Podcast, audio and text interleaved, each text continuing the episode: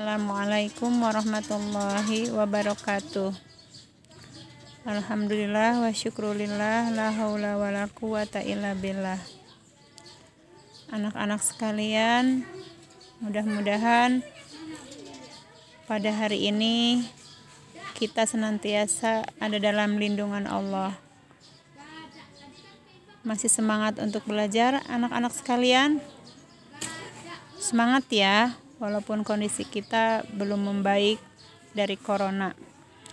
Pada kesempatan ini, ibu akan membacakan satu hadis dengan judulnya yaitu keutamaan mendidik anak.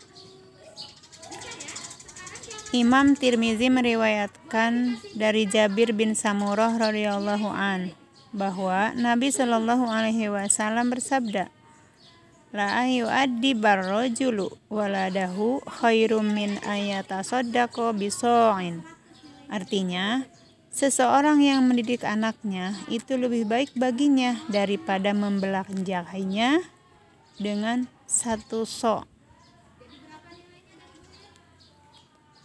Uh, hadis ini kalian baca, pahami, lalu nanti uh, kita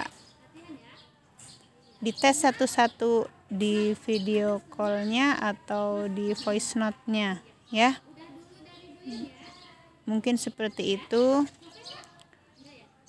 Dari ibu kurang dan lebihnya mohon maaf. Assalamualaikum warahmatullahi wabarakatuh